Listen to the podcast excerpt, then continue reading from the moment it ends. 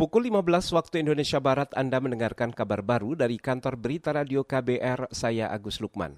Komite Penanganan COVID-19 dan Pemulihan Ekonomi Nasional meminta pemerintah daerah segera mengeluarkan aturan resmi terkait pembatasan kegiatan di sebagian daerah Pulau Jawa dan Bali. Aturan itu diperlukan untuk memperlancar pelaksanaan pembatasan sosial berskala besar atau PSBB yang akan dimulai pekan depan.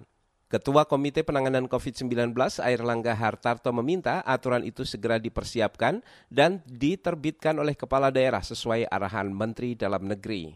Kepala daerah ini diharapkan sudah menyiapkan uh, peraturan daerahnya, baik itu pergub maupun perkada. Kemudian tentu ini sejalan dengan instruksi Menteri Dalam Negeri yang kemarin sudah dikeluarkan dan satu daerah yang sudah mengeluarkan uh, yaitu Gubernur Bali dengan S SE Gubernur Bali dan ini untuk mendorong dan sinergi dan harmonis dengan apa yang diinstruksikan oleh Menteri Dalam Negeri. Ketua Komite Penanganan COVID-19 dan Pemulihan Ekonomi Nasional Air Langga Hartarto menambahkan, saat ini baru Provinsi Bali yang telah menerbitkan aturan mengenai pembatasan kegiatan sosial. Sementara Provinsi DKI Jakarta, Banten, Jawa Barat, Jawa Tengah, dan Jawa Timur belum mengeluarkan aturan pembatasan. Air Langga menambahkan regulasi daerah juga harus diiringi kedisiplinan masyarakat selama masa berlangsungnya PSBB. Kita ke Jawa Tengah. Saudara pemerintah kota Semarang akan menutup sembilan ruas jalan terkait rencana pemberlakuan pembatasan sosial berskala besar atau PSBB Jawa dan Bali. Wali Kota Semarang Hendrar Prihadi mengatakan penutupan sembilan ruas jalan di Kota Semarang akan berlangsung 24 jam selama dua pekan. Ruas jalan kami perkirakan sekitar 9 ruas jalan yang akan ditutup selama dua minggu ke depan. Perkecualiannya adalah ruas jalan di Simpang 5 yang menghubungkan Simpang 5 dan Lejen Suprapto. Ini tidak kita tutup 24 jam, tapi kita tutup jam 9 malam sampai jam 6 pagi. Sedangkan tujuh ruas jalan yang lain tadi disepakati tutup 24 jam selama kurun waktu dua minggu.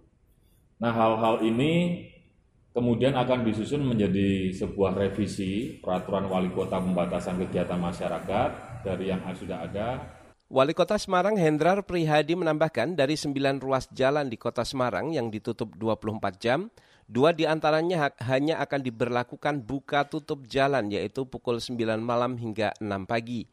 Kelonggaran pemberlakuan pada dua jalan itu karena menjadi akses bagi pelaku usaha seperti pedagang kaki lima dan industri kuliner. Hingga kemarin kasus COVID-19 di kota Semarang mencapai total 22 ribu kasus dengan 900-an kasus aktif dan seribuan orang meninggal. Kita ke mancanegara, saudara aparat kepolisian Amerika Serikat menangkap lebih dari 50 orang terkait penyerbuan gedung Kongres di Washington DC. Masa pendukung Presiden Amerika Donald Trump menyerbu gedung Capitol pada Rabu kemarin yang hendak mengesahkan kemenangan calon presiden dari Partai Demokrat Joe Biden. Mengutip Reuters, mayoritas orang ditangkap karena pelanggaran jam malam, sementara beberapa orang lain ditangkap karena membawa senjata api tanpa izin. Dalam insiden tersebut, masa pendukung Donald Trump bentrok dengan aparat kepolisian. Insiden di gedung Kongres mengakibatkan empat orang tewas dan belasan polisi luka-luka. Demikian kabar baru dari KBR, saya Agus Lukman.